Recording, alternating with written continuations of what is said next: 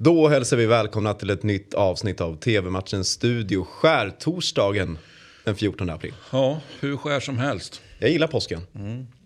Ja, det, det är inget större fel på påsken här. Nej, men jag tycker det är, en- det är nästan...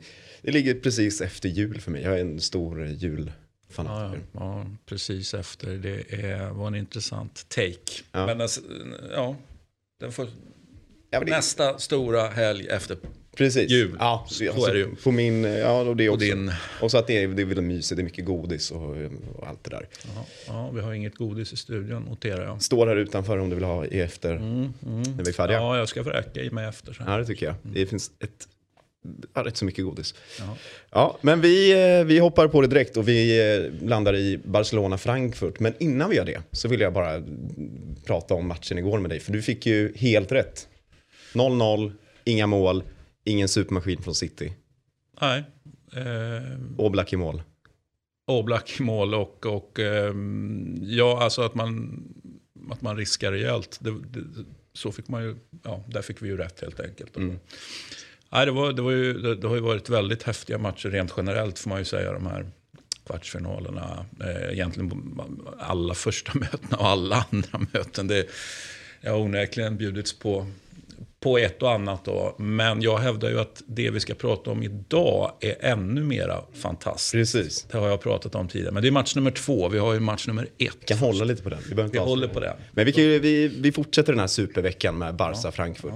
Och ett Barca som bara fick eh, 1-1 eh, i första mötet. Vilket ju någonstans är helt okej. Jag har, ju- tycker inte det finns några problem med det. Det är klart att det är kul att vinna på bortaplan. Men jag menar, ja, tyska lag borta, det, det, det är ingenting man bara buntar ihop hur som helst. Och, och, ehm, jag tycker det är ett helt okej resultat för Barcelona. Och självklart ett resultat som gör att man är stor favorit då i, i, i- i returen här på hemmaplan. Mm. Hur skulle du se på Barcas säsong? Är, de, är det ett... Eh, i det är en svag säsong av Barca om man ser till historik. Och, är det, de är ju ändå piskade att vinna för att ändå ha någonting kvar att fightas för den här säsongen. Ja, men så är det ju.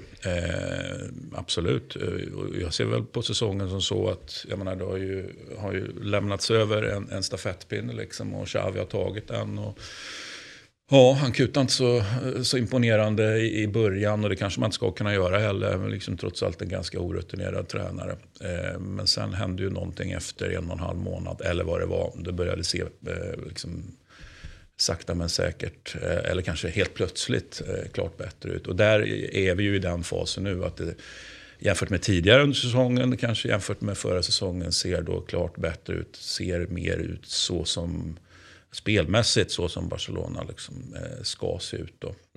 Är man där resultatmässigt än? Nej, det är man väl inte. Och man är väl inte riktigt där alltså spelmässigt heller. Vi, vi, vi ska ta det lugnt nu.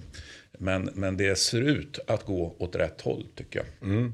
Ja, men, eh, Men vi ropar inte hej än och, och säger att Barca är tillbaka. Jag gör inte det fall. nej, nej, jag stämmer in där. Jag håller med dig. Men vi lämnar den här matchen Det gör vi. och hoppar på. Men jag kan eh, först bara säga att den startar 21.00 och ni ser den i Viasat Ultra. Men nu till eh, eh, kvällens eh, stora påskskärtorsdag. Gudagåvan då, passar, passar eventuellt eh, Precis. lämpligt så här i påsktider. Men jag hävdar ju med bestämdhet då, som, som eh, ja, jag använder just ordet eh, gudagåva när vi pratade om, om eh, första matchen då. Alltså Roma, Bodö, Glimt. Roma, eh, Bodö, Glimt, ja precis. Alltså att perfekt för, för Roma. Eh, alltså få chansen till den här förnedringen som var då i tidigare i den här turneringen. Där man ju då ja, men liksom skämde ut sig får man väl säga spelmässigt, inställningsmässigt och så vidare. Gick helt enkelt så mycket åt helvete man kan göra på en fotbollsplan i, i, just i bortamötet. Då. Och så trodde väl egentligen alla där och då att ja, men då så ser väl Roma till att skärpa till sig på hemmaplan och riktigt gräs och allt det där. Eh, men det blev ju, alltså det blev ju, det blev ju lite bättre, men det blev ju inte speciellt bra. Man, man lyckades ju inte vinna hemma. Nej. Eh, och eh, nu fick man den här chansen att ta revansch och så hade vi ett första möte upp i, upp i norr helt enkelt. Ja, det ligger så Eh, otroligt Och det gick ju inte någonting vidare nu heller. Så det, det ju uppenbarligen så att Bodø Glimt passar Roma väldigt illa. Jag kan inte komma fram till någonting annat. Och det gör ju någonstans att matchen är fullkomligt livsfarlig. Men det är fortfarande en gudagåva för att få chansen att ta revansch samma säsong i samma tävling mot samma motstånd. Det, det är ju liksom få förunnat. Sen kan man ju tycka att det att eventuellt redan, alltså, även om Roma skulle vinna eh, så kvällens match, så, så, kan man ju också argumentera redan att ja, eftersom man då förlorade på bortaplan eh, så har man inte lyckats. Är du med? Det, det, det, man har förnedrats än en gång och eh, med all respekt för Bodø Glimt, det sa vi förra gången också. Men man är, har blivit förnedrad än en gång så att det hjälper det då? Får man bort det här pinsamma om man, om man vinner hemma och går vidare? Nej, det går att argumentera för att nej, lagt kort ligger, det där går aldrig att ta bort. Mm. Ja, det är en enorm press på Roma faktiskt.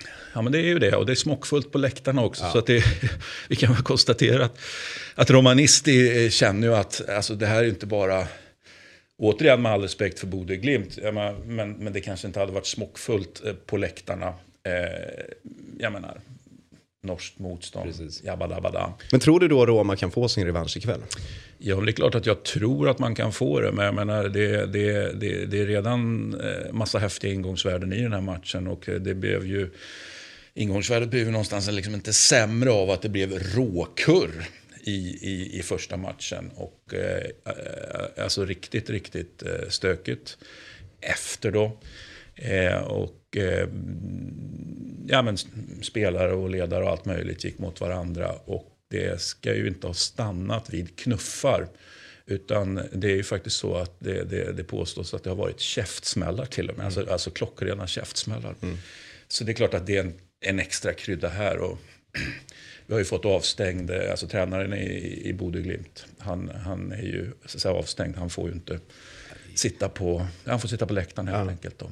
Så att, eh, häftigt. Och som en ytterligare krydda så tränar ju Bodø Glimt på Formello som ju är Lazios träningsanläggning. Ja, ja. Så vi får liksom lite lite Lazio-Roma i det hela också. I så att som man ser fram emot den här matchen. Det är så super, super, super. Att det här liksom har blivit lite av ett hatmöte på ett sätt. Då. Ja, ja, jag vet inte vad jag ska kalla det. Hatmöte kanske. Ja, det... Efter slagsmålet så, så, så, får man väl säga att det finns en viss eh, anspänning. Ja. Ja, spännande. Jag kommer sitta bänkad. Me too. 21.00 och ni ser matchen på Viasat Fotboll. Det var allt för idag. Det var det. Nu tar vi eh, skön eh, ledighet skärtorsdag, men vi är tillbaka imorgon igen. Tack.